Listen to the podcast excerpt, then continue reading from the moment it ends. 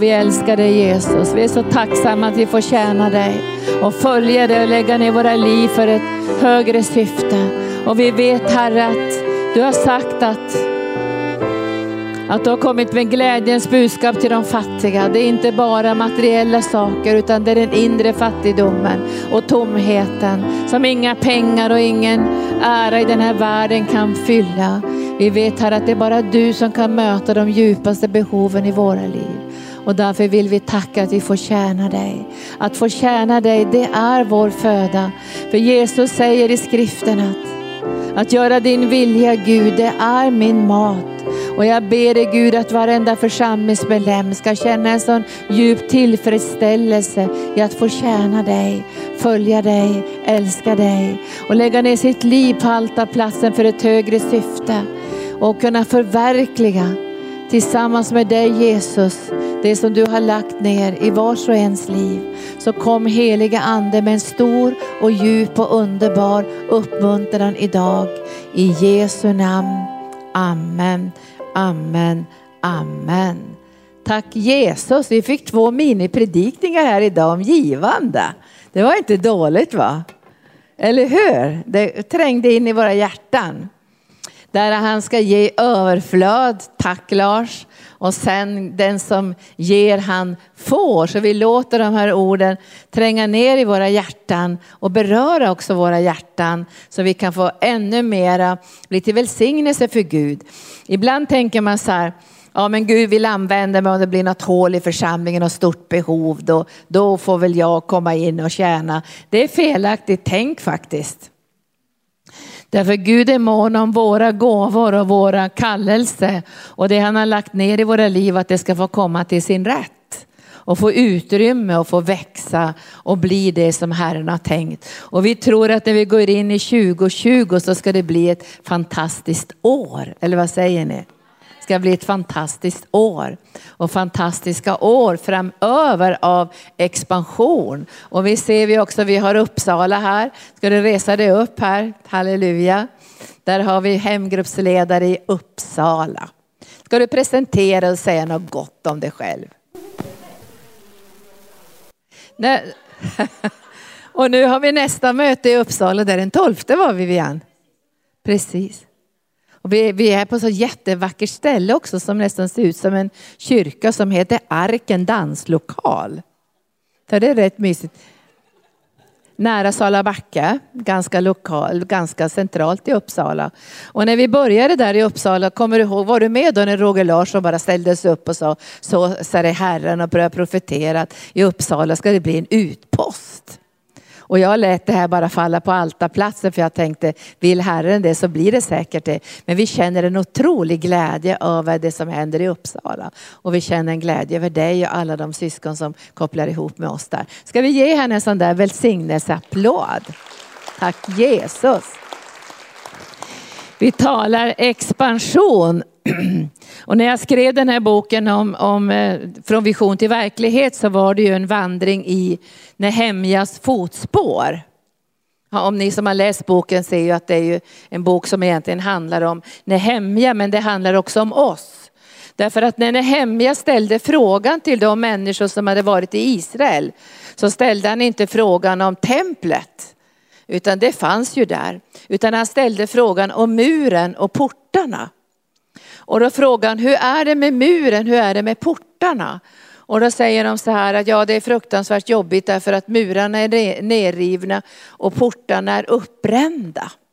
Och det här förde honom in i en väldig böne, bönekamp för han visste och han grät också för han visste om murarna är nerrivna det, det, handlar ju om människor egentligen, murarna och portarna, om ledarskap. Om det är nerrivet, då visste också Nehemja att det blir inte det som Gud har tänkt.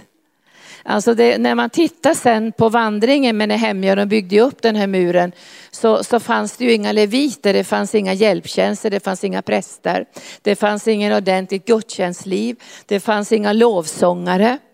Det fanns inga portvakter, det fanns ingenting. Det fanns bara oreda och orenhet och förfall. Och därför visste ju Nehemja att jag måste få upp murarna och jag måste få upp de här portarna portarna för att gudstjänsten ska kunna fungera. Och när han fick upp de här murarna och portarna, då kom ju leviterna tillbaka. Då kom, då kom prästerna tillbaka och då började tempeltjänsten fungera. Det var lovsång dygnet runt, pengarna kom in, tiondet fungerade. Men så fort det började förfalla igen så gick det sönder och då kunde inte själva gudstjänstlivet fungera på det sätt som Herren ville.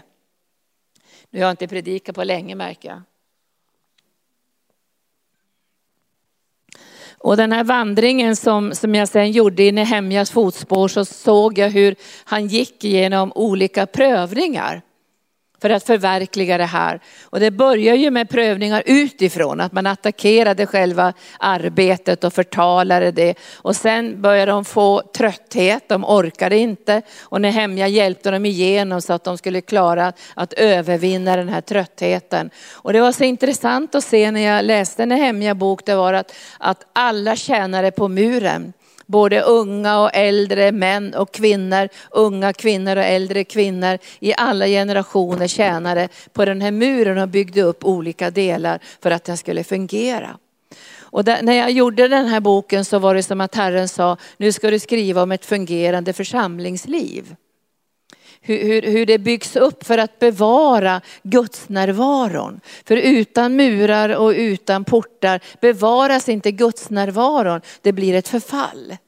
Så jag skulle gärna önska att du läste boken för till varje del så gav jag bibelställen som man kunde använda för att bedja igenom och bryta igenom. Först att proklamera Gudsordet, kalla på Gudsordet, bana väg för Gudsordet och tacka för Gudsordet. Så det som Gud hade bestämt för varje fas i församlingsbygge skulle kunna bryta igenom. Så läs gärna boken. För jag har ju sett genom åren att många har visioner men att föra vision till verklighet är någonting helt annat än att bara ha drömmar. Det måste också finnas en praktisk omsättning av det som kommer från Guds hjärta och det måste ske genom människor som ställer sig till förfogande. Anita Rickardsson sa så jättebra en gång, hon sa, var är byggnadsmaterialet? Det är inte på Bauhaus och på K-Rauta, utan det är vi som är byggnadsmaterialet. Alltså Gud behöver det här materialet, det här mänskliga materialet för att kunna bygga sin församling. Och när han skrev till Philadelphia i Uppenbarelseboken som var en ganska svag församling men ändå trogen och överlåten så säger han om du vinner seger då ska jag göra det till en pelare. Och en pelare är ju någon som kan upprätthålla eller styrka eller hålla upp någonting som som ska liksom befästas. Och man önskar att man skulle kunna få vara en pelare, visst gör man det? Man ska bara önska att man fick vara en sån person som skulle kunna hålla upp någonting som Gud har tänkt ska bli synligt i den här världen. Men det här var bara min inledning. När jag har tänkt på 2020 så har jag tänkt mycket över att det inte är intressant att höra bara predikningar, eller vad säger ni? Alltså vi skulle kunna lyssna på internet och fånga upp, läsa någon bra bok eller se, snickra ihop en predikan eller någonting. Men jag känner så här, det, det, är inte riktigt det som är intressant. Det som är intressant tycker jag är att vi kan höra från himlen. Det är intressant. Alltså vad säger Gud till oss? Och för att det här ska kunna fungera, att vi ska kunna höra tillsammans, för det står den som har öron hör vad Herren säger till församlingen. Det är att vi ber allihop om en hunger att få höra från himlen. För då kommer alla förkunna det här att förkunna mycket bättre. Visst vill ni det? Alltså ni vill inte ha bara några hopsnickra som ni känner igen. Jag har ju lyssnat på många förkunnare och tänkt så här, det här har jag hört förut. Alltså de har bara tagit det från internet och predikat någon annans predikan. Gunnar och jag har blivit så otroligt imponerade över en trosförkunnare. Så att han predikade så bra så vi tänkte så här, alltså det här är så bra vi aldrig hört någon gång. Och sen kom Gunnar och jag till Amerika och då hade den personen predikat ordagrant Kenneth Hagins predikan. Alltså helt ordagrant. Jag ska inte säga att det är fel. Jag ska inte säga att det skulle vara dåligt heller. Men jag skulle säga att det finns en önskan i våra hjärtan att vi ska höra från himlen. Eller hur? Alltså vad säger Herren? Och att vi hör det här tillsammans så vi kan ta trostegen också tillsammans. Så var med oss och be för 2020 för alla bibellärare, alla förkunnare, alla som jobbar i bibelskolan också, att de ska höra från himlen. För om vi inte hör från himlen så går det in här och ut där. Därför det som kommer från himlen ska vi omsätta och tillämpa, eller hur? Det ska bli en verklighet i våra liv. Att predika en bra predikan, det kan vem som helst. Jag kan ta, kan ta predikningar som finns i våra böcker här. Vi kan ta predikningar som T.L. Osborn har predikat. De är jättebra, hans predikningar. Men de måste processas genom våra egna hjärtan.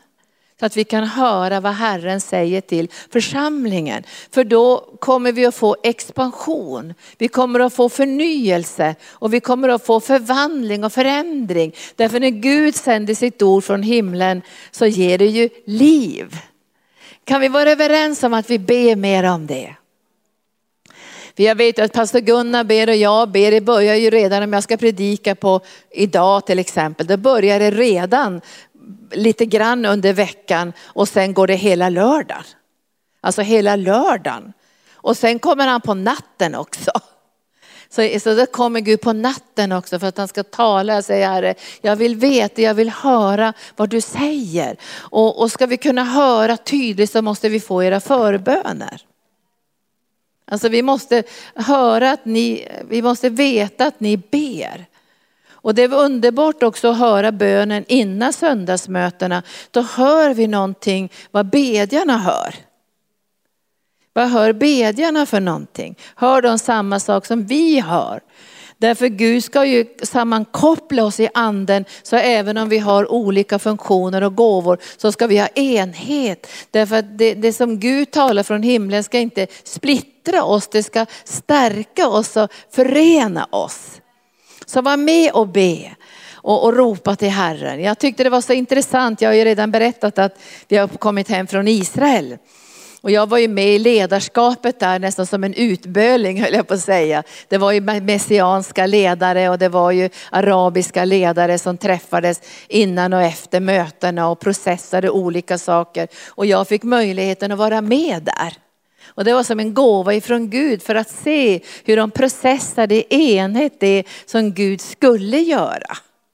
Alltså det som Gud hade på sitt hjärta, det processades innan, innan mötena, men vissa saker var ju också förutbestämda och planerade långt innan. Och i det sammanhanget fick vi vara med och jag fick också ha en workshop om helande. Och sen fick jag i den stora lokalen bära fram profetiska ord till den messianska och eh, eh arabiska eh, Kristi kropp på plats i, i Nasaret.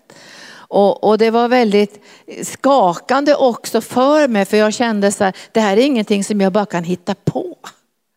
Jag kan inte plocka det från en bok som jag har läst om Israel. Jag måste veta, finns det ett mandat över någonting som jag får säga? Annars får jag tiga.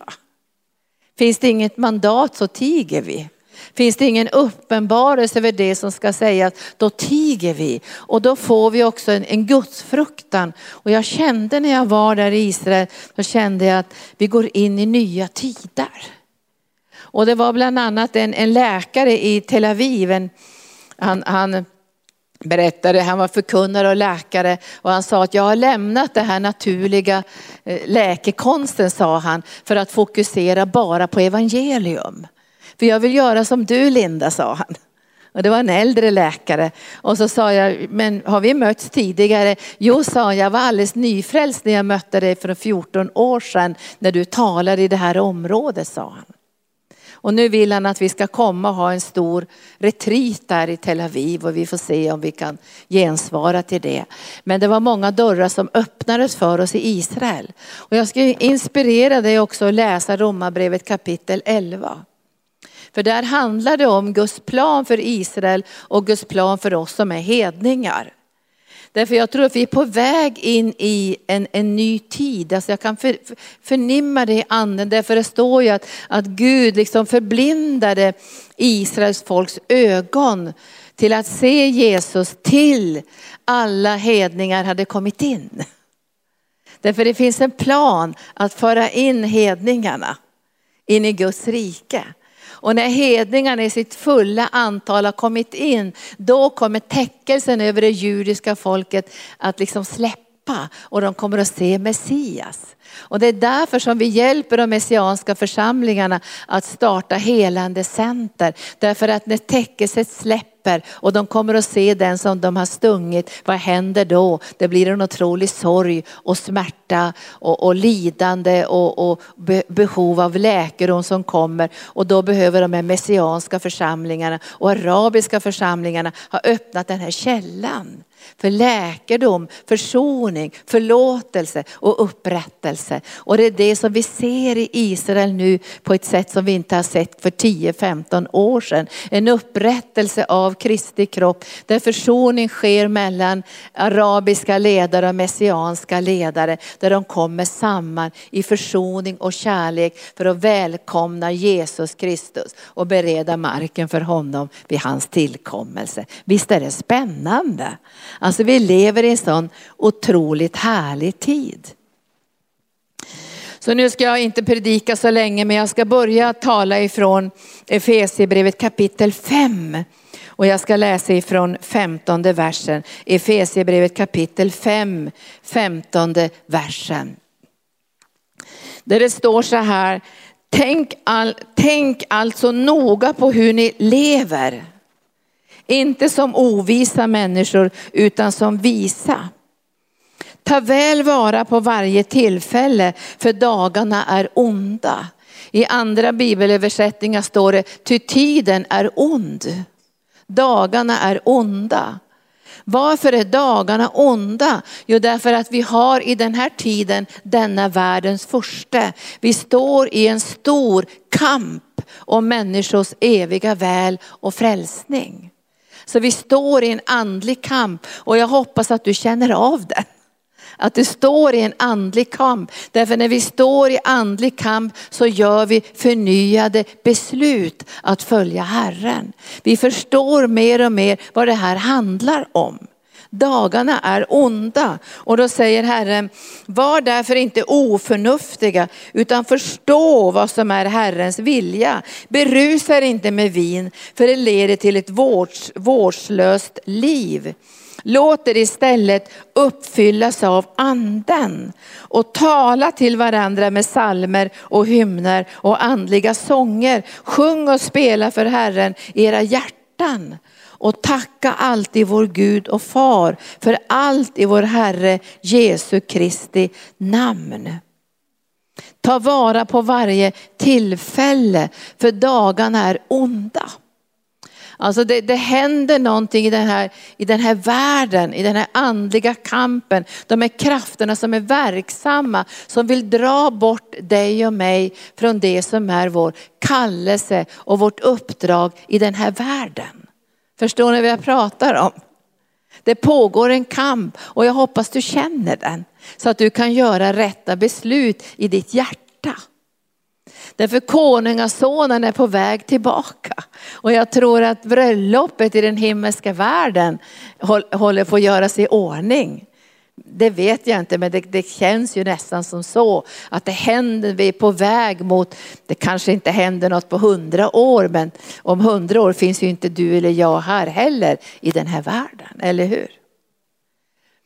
Eller hur? Så vi ska ta vara på varje tillfälle. Alltså Gud kommer att ge oss många, många tillfällen att föra ut evangelium. Och vi behöver tänka, det är ett område som jag tänkte i, i, igår och idag på som Herren påminde mig om. Det var det här att um, hur, hur, vår tid, hur vår tid förvaltas.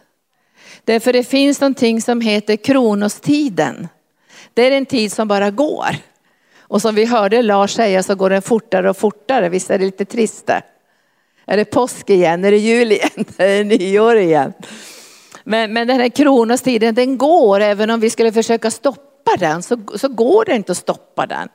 Man kan tänka att vi vill stoppa tiden. Det finns bara ett enda bibelställe i Bibeln där de stoppade tiden för en stund och det var ett stort slag, krigsslag. Men, man kan, men det finns en annan form av tid som heter, som heter Kairos-tiden, den gudagivna tiden, den välbehagliga tiden, den, den gudsinspirerade tiden, den tid som ger mening och, och värde och kraft. Vi, vi ser ju människor som tar livet av sig idag som är mångmiljonärer. Som, som har all den här uppmuntran för människor och människor älskar dem och värdesätter dem och ändå tar de livet av sig. Så vi kan bara stå förvånade över den psykiska ohälsa som bara spränger fram i den här världen. Därför livets mening är inte bara välsignelserna utan livets mening är att tjäna Jesus. Och ibland är det så här att om vi inte förstår den här Kairostiden, så kommer välsignelsen att hindra oss att tjäna Gud. Fick du tag på det här? Tänk att välsignelserna kan hindra oss att tjäna Gud. Det måste vara den största sorgen ifrån Guds hjärta hjärta. Att välsignelserna hindrar dig och mig att använda vår tid på ett, på ett rätt sätt i Guds rike. Och då kan man ju läsa i Bibeln när Jesus säger till, eller fadern säger till människor, kom nu säger han, för bröllopet, eller inte bröllop, ja det var ju bröllopet, det var ju bara en liknelse. Kom nu så, nu, nu, är, det, nu är det konung och sonens bröllop, nu måste ni komma, skynda er och kom. Nu är det konung och sonens bröllop. Och jag tänker ibland så här att, att det allra viktigaste, det vi har pratat pastor Gunnar och jag om framtiden och 2020 och 2021 och så, liksom vad som ligger framför oss. Så har vi sagt så här, vad är det allra viktigaste i arken? Vad är det allra viktigaste i arken?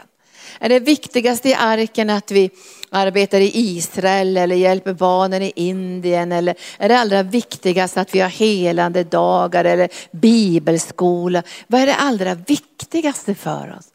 Och då vi har pratat mycket om det de här sista åren faktiskt. Och det är det allra, allra viktigaste är våra söndagsgudstjänst. Det är det allra, allra viktigaste. För det är förberedelsen för konungasonens bröllop.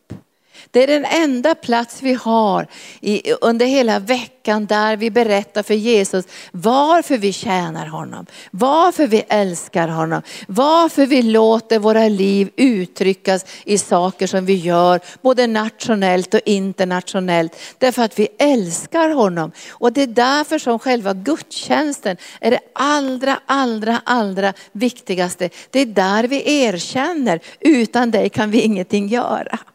Du är värdig all lovsång, all tillbedjan, all upphöjelse.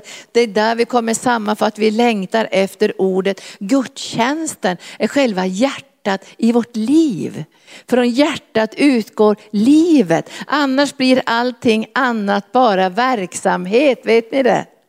Det blir verksamhet om det inte utgår ifrån gudstjänsten, ifrån kärleksförklaringen till Jesus, ifrån tillbedjan, ifrån längtan efter ordet, att få höra något ifrån himlen. Det är det som är själva centrum.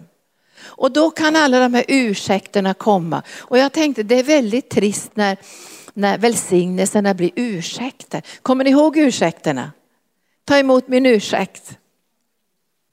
Det var äktenskapet som blev ursäkten. Och äktenskapet är ju en fantastisk välsignelse. Men det blir ingen välsignelse om vi får känna Jesus tillsammans. Nu har Gunnar och jag varit gifta i många år.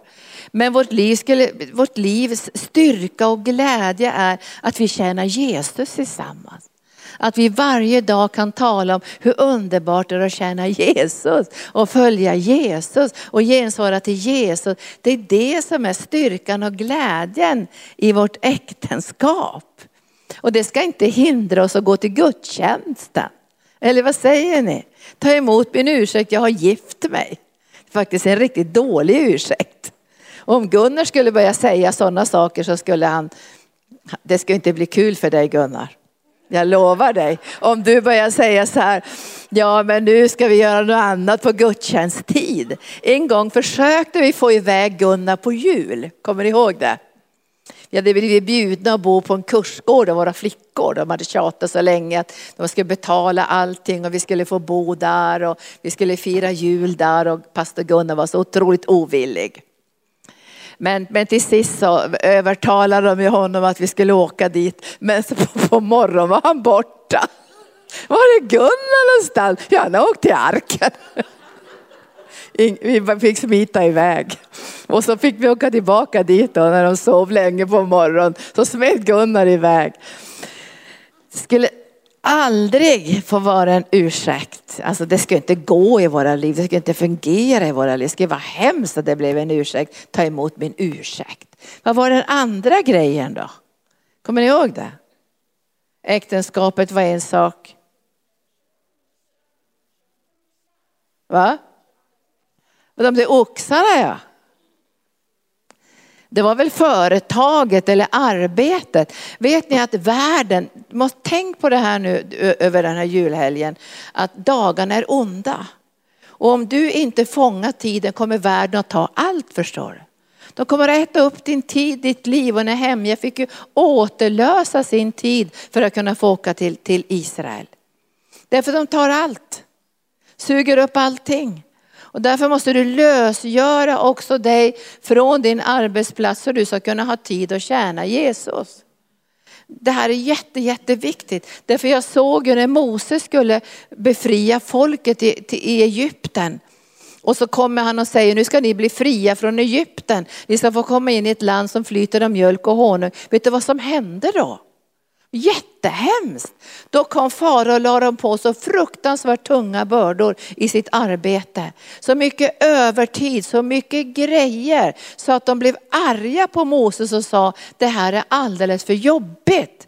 Vi får så mycket extra jobb och de fick slita så fruktansvärt att de blev arg på Moses och sa du kommer för att fri, fri, ge oss frihet från, från Egypten men det blir bara värre när du kommer att tala om den friheten. Så när du börjar bestämma dig för att du ska faktiskt få tid att känna Herren. Det är inte ditt jobb som ska ta all din tid. Jag kan man nästan lova dig att det blir tryck.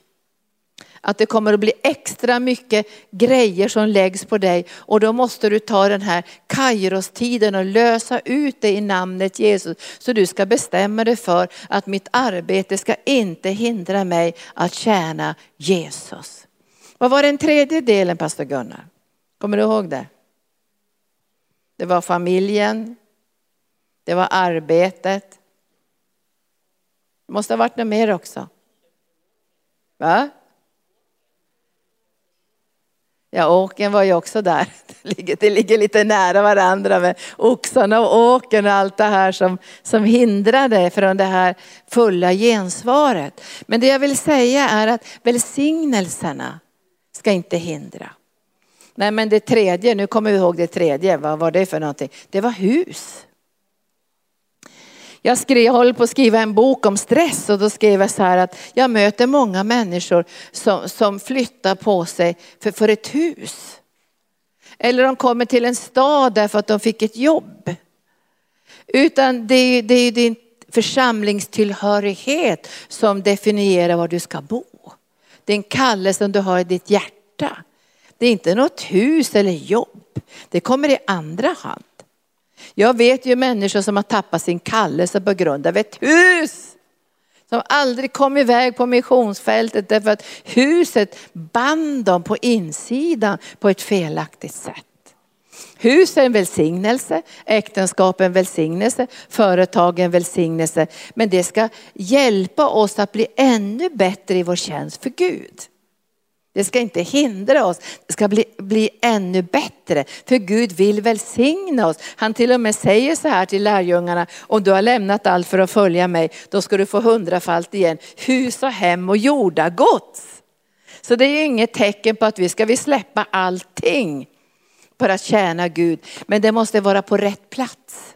Det måste vara på rätt plats för att kunna tjäna Gud så måste det vara på rätt plats. Och Gud måste vara nummer ett, annars kommer välsignelserna att hindra oss att tjäna Herren. Och det ska det inte göra 2020, för vi ska expandera.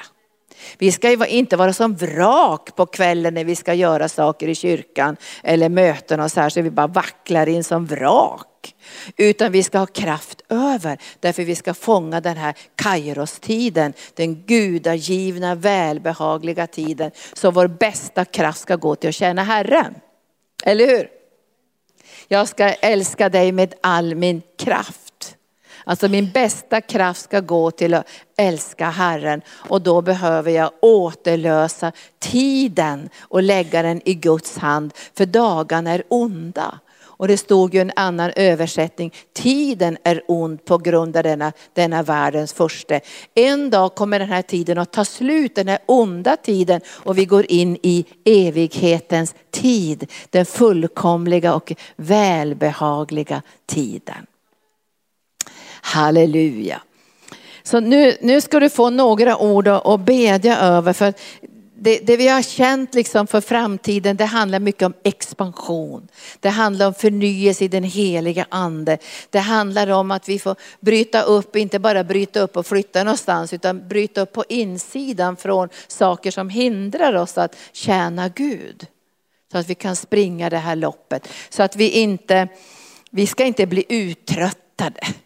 Vi ska inte bli helt utslitna så att det, det mest trötta ger vi till Herren när vi nästan är som vrak, det ger vi till Herren. Vi sitter och sover i mötena, vi orkar inte tjäna Gud. Dagarna är onda och djävulen vill suga ur din kraft. Så du ska inte ha någon kraft att kunna tjäna Herren. Och det ska vi sätta stopp för, eller hur? Så varför är gudstjänsten det allra viktigaste? För det är där som Gud kan förnya oss, förvandla oss, ge oss ordet, stärka oss. Så att vi förstår också att allt det vi gör i arken utgår ifrån gudstjänsten. Det är därför det är jobbigt när vissa som ska tjäna i olika funktioner i arken inte går i gudstjänsten. För då vet vi att de får inte den här styrkan och enheten och kärleken och samsynen med oss men också beskyddet som finns i gudstjänstlivet. Och nu ska du få tre bibelställen så ska du få, få se Guds hjärta. För det första så säger Jesus så här. Så säger han i Matteus 23 och 37. Matteus 23 och 37. Matteus 23 och 37. Matteus 23 och 37. Då säger han så här. Jerusalem, Jerusalem, du som mördar profeter och stenar dem som är sända till dig. Hur ofta har jag inte velat samla dina barn som hönan samlar sina kycklingar under vingarna, men ni ville inte. Här ser vi Guds hjärta. Alltså det finns vingar. Det är därför som vi samlar människorna under Jesu vingar, därför att Jesus vill det. Och jag, jag har tänkt mycket de här sista veckorna. Tänkt så här, är jag en samlare eller är jag en skingrare? Man får pröva sitt hjärta. Är jag en samlare eller är jag en skingrare? Jag vet ju att ni som är här, ni är samlare. Alltså ni samlar människorna. Ni är intresserade av, var är de där någonstans? Vad har hänt med den där? Är den sjuk? Varför har jag inte sett den där på länge? När du börjar tänka sådana tankar, då är du en samlare. När du börjar tänka så här, hur går det för den där? Jag har inte sett den i gudstjänsten på ett tag. Behöver den kanske skjuts eller något som har hänt i, i äktenskapen? Det har blivit jobbigt i, i, att få tag på en bostad. När du börjar tänka sådana tankar, då är du en samlare. För det finns en, en, en plats som är den dyrbaraste och tryggaste platsen. Det är under Jesu vingar. Det är nya testamentet. I Salta salmen 91 så står det också under vingarna, under beskyddet och pilen flyger och, och pesten kommer. Men under vingarna finns det ett beskydd. Och därför samlar vi människorna in i huvudsakligen i gudstjänsten. Därför att om gudstjänsten inte fungerar, då blir det här andra bara arbete och tristess.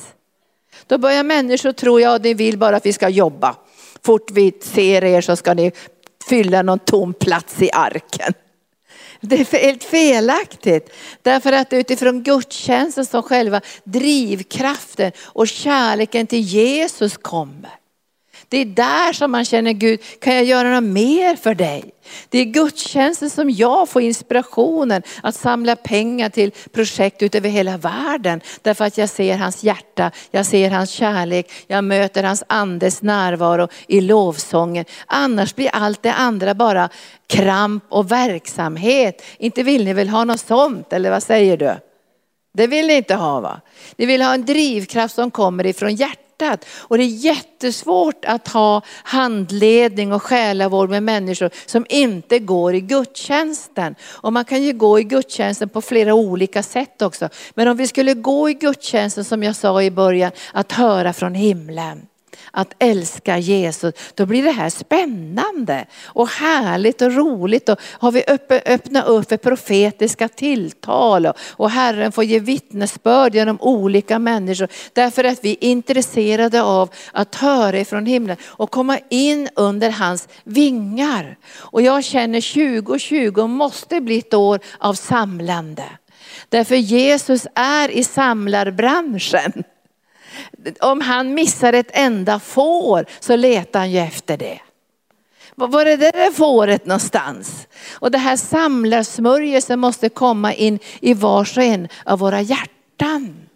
För det här är ingenting som en eller två personer kan göra, utan det här måste komma in i varje hjärta. Så man tänker, vilka är de runt omkring mig som jag ska samla?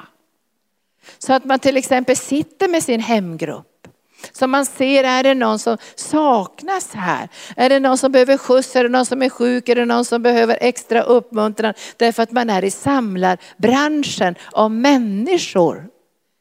Och det här är en smörjelse som jag vet ska komma 2020. Det ska komma den här smörjelsen. Därför om den inte kommer, då blir det här inget bra. Det måste komma den här smörjelsen som gör att villigt kommer ditt folk. Och Herren liksom väckte mig i natt och tänkte vad är det här för bibelställe han väckte mig med. Salta salmen 110 när, han, när det står så här i tredje versen. Villigt kommer ditt folk när du samlar din här. Vet ni att djävulen håller på att samla sin här över hela jorden för att gå till angrepp mot Guds folk. Men Herren samlar sin här.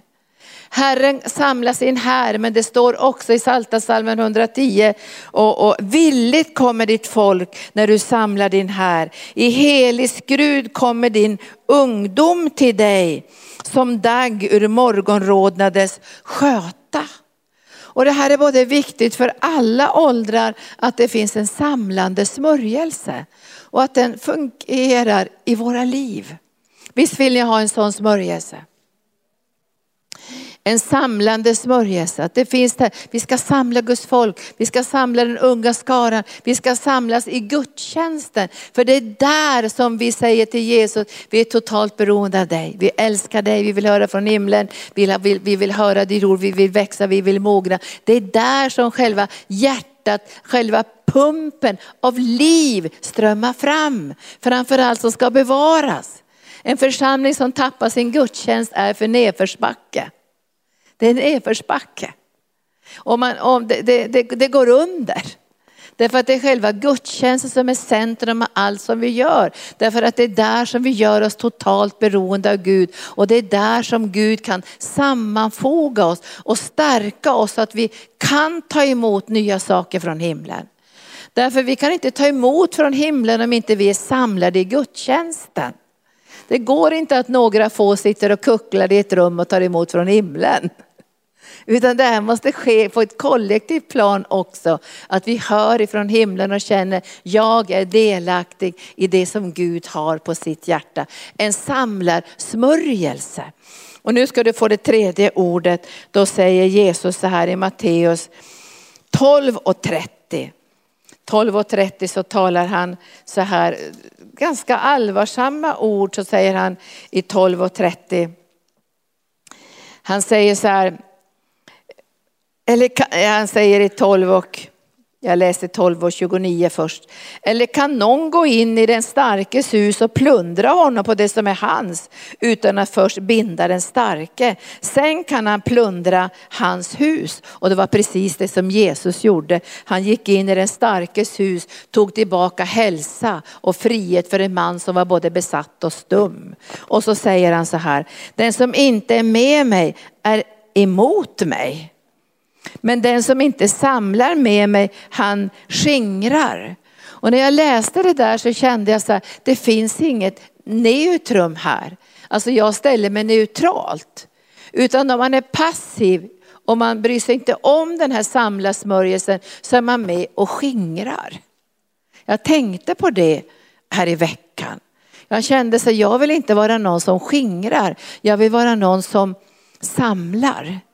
Villigt kommer ditt folk när du samlar din här. Villigt kommer din unga skara. Det finns en villighet, det finns en smörjelse. Och det här måste ligga väldigt starkt på Jesu hjärta. Att han vill samla människor till gudstjänsten.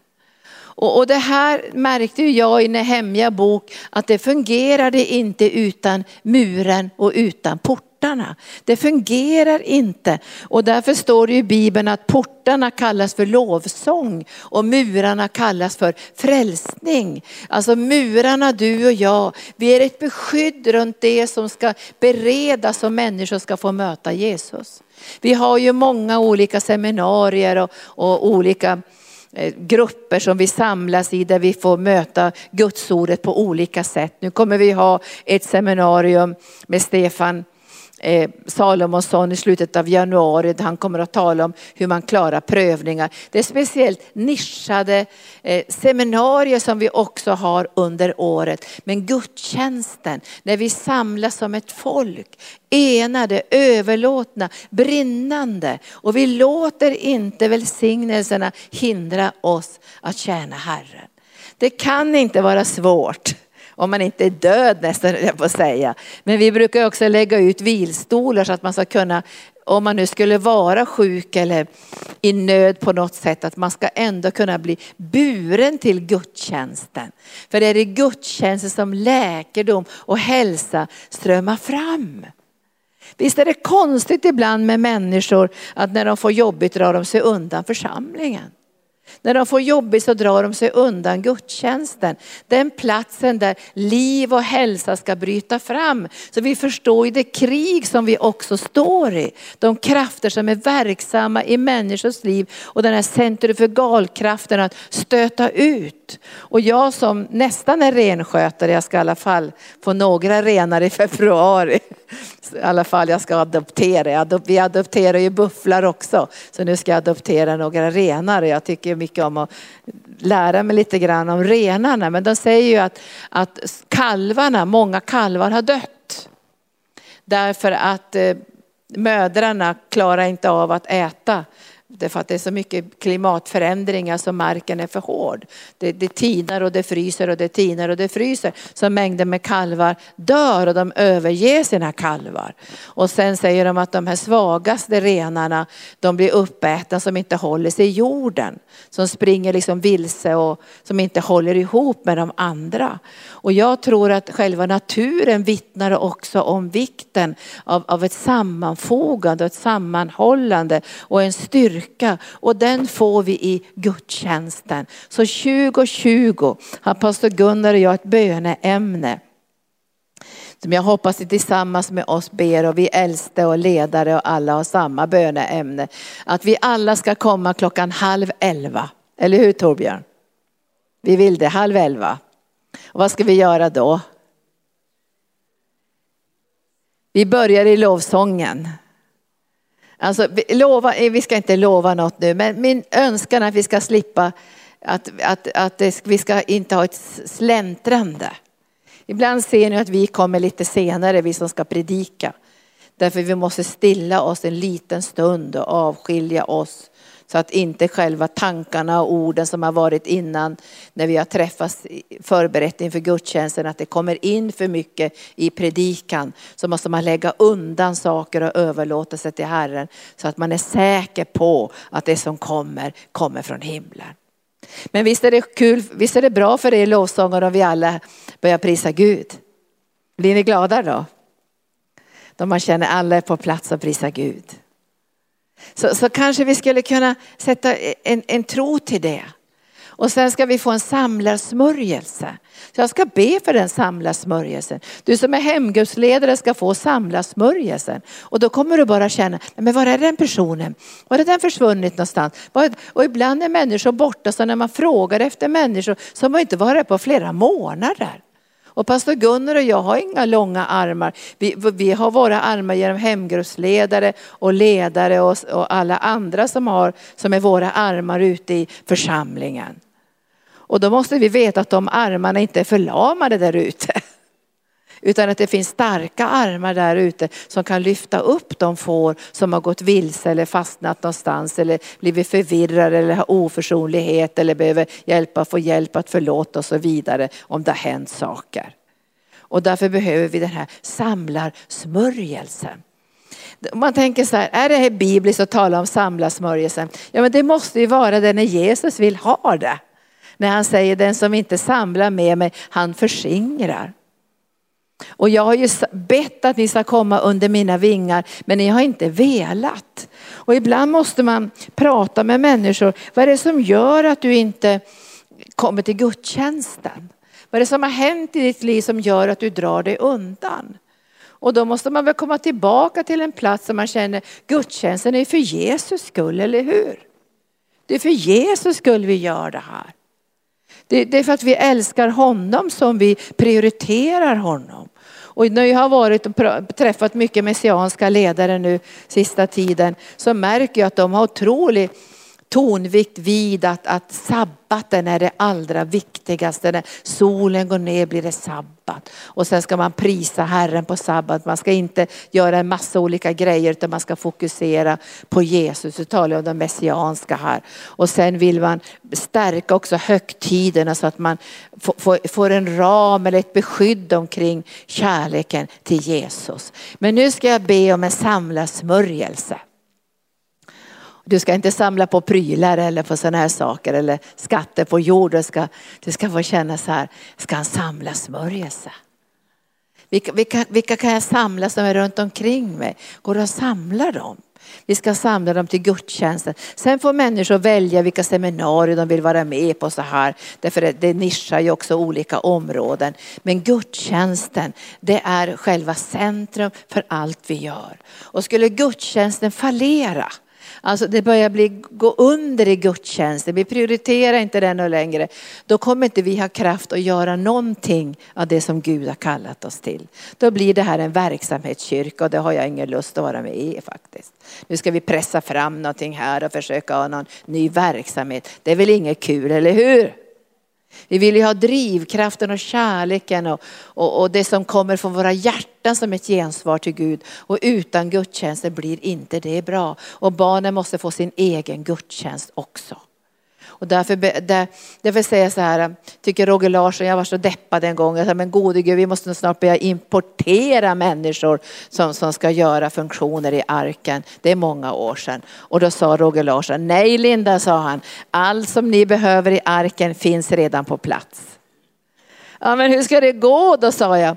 Bara be till Gud att han ska röra vid deras hjärtan så känner de igen sin kallelse, sina gåvor och kan ge sitt gensvar. Och det är precis så jag tror att det ska vara på arken. Allt som vi behöver, det har vi här ibland oss.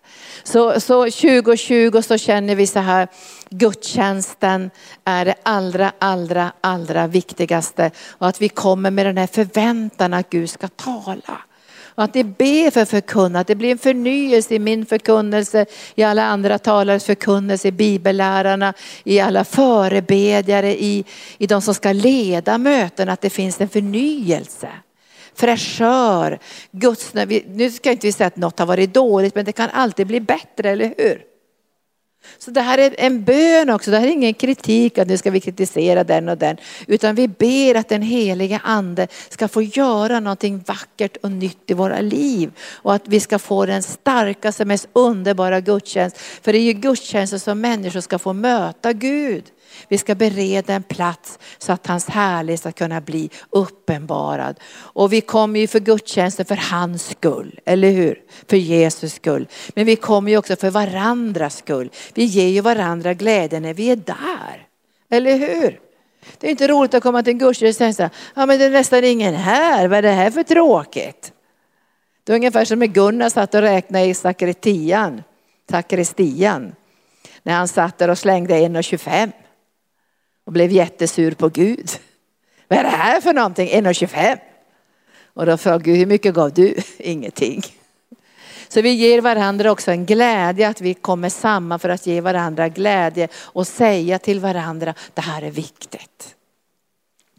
Så nu ber jag dig heliga ande och jag ber för mig själv också, för alla ledare här i arken och hemgruppsledare och äldste och att de ska få en samlarsmörjelse. För du har sagt att den som inte samlar han förskingrar och vi vill inte vara förskingrare av arkens medlemmar och partner och samarbetspartner. Vi vill samla till visionen, till dig Jesus, till att älska dig, följa dig och tjäna dig. Och jag ber dig heliga ande att du ska lysa på gudstjänsten, söndagsgudstjänsten, att det ska bli den starkaste, mest underbara, ljuvliga träffen som vi har har under veckan där vi får älska dig Jesus, tillbedja dig, söka ditt ansikte, längta efter att få höra ordet förkunnas in i våra hjärtan. Inte bara som en slags verksamhet utan som ett levande liv där vi gensvarar och förvaltar inte bara våra egna liv utan det gemensamma som du har gett oss. Så jag ber dig helige ande, jag bara bryter i namnet Jesus all förskingringssmörjelse som är smörja, som inte är någon smörjelse. Det som förskingrar fingrar i arken. Det binder jag upp i namnet Jesus och jag lägger under Jesu Kristi fötter. Och all surdeg som har skingrat i arken ska i denna dag inför 2020 böja sina knän. Alla krafter som har skingrat och skadat i arken, de ska böja sina knän. Utan från denna stund, Sikaidia, Bresoro, Estrogiria, Prasodendria, Entrokeidia, så ska det bli en samlarsmörjelse. En så stark samlarsmörjelse Ingen kontroll, inga konstiga grejer i samlarsmörjelsen utan en äkta längtan efter att få träffa trossyskonen. En äkta kärlek över att det är du Herre som har fört oss samman. Ingen kontroll och ingen ingen fariseism och, och saduceism utan det ska vara en äkta kärlek där vi bryr oss om barnen, tonåringarna, de som är på väg in i vuxenlivet, de unga vuxna som ska bära arken om 20 år och börja redan nu och känna av bördan i, i kallelsen och uppdraget. Vi tackar dig Gud för att de ungas visioner och de äldres drömmar ska sammanfalla i enhet och vi ska inte få någon splittring mellan generationerna. Och och vi ska inte få något no, no sargat som har kommit in i splittring utan nu ska det bli en samlad smörjelse. Om en, ett får är borta så letar vi det fåret, inte för att kontrollera utan för att se om det behöver hjälp eller stöd eller omsorg på något sätt. Jag ber att den här samlade smörjelsen som du har Jesus, för villigt kommer din här när du samlar den, när du samlar ditt folk, när du samlar de unga och vi ber att vi ska få din samlade smörjelse. Inga konstiga kontrollandar smörjelse, ingen manipulationssmörjelse, smörja säger jag, inga sådana här konstiga saker som kan komma genom, genom kontroll utan vi vill ha en smörjelse som är ren och vacker och som kommer ur Jesu hjärta när vi hör honom säga jag vill samla er som kycklingar under mina vingar. Han är den stora underbara både mamma och pappa hönan som samlar kycklingarna och vi ber det heliga ande att vi ska få den här samla smörjelsen.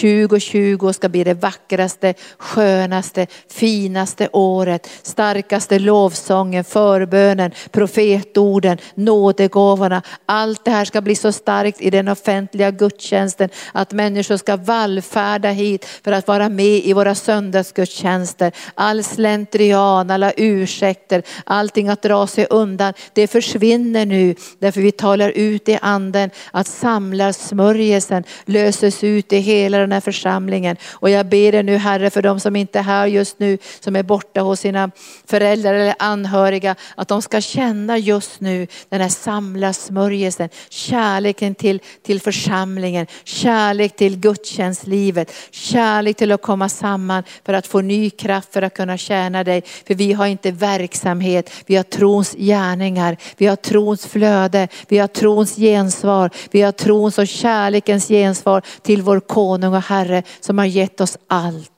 Därför lägger vi våra liv på altarplatsen för ett högre syfte. I Jesu Kristi Nazarens namn. Amen. Tack Jesus. Halleluja.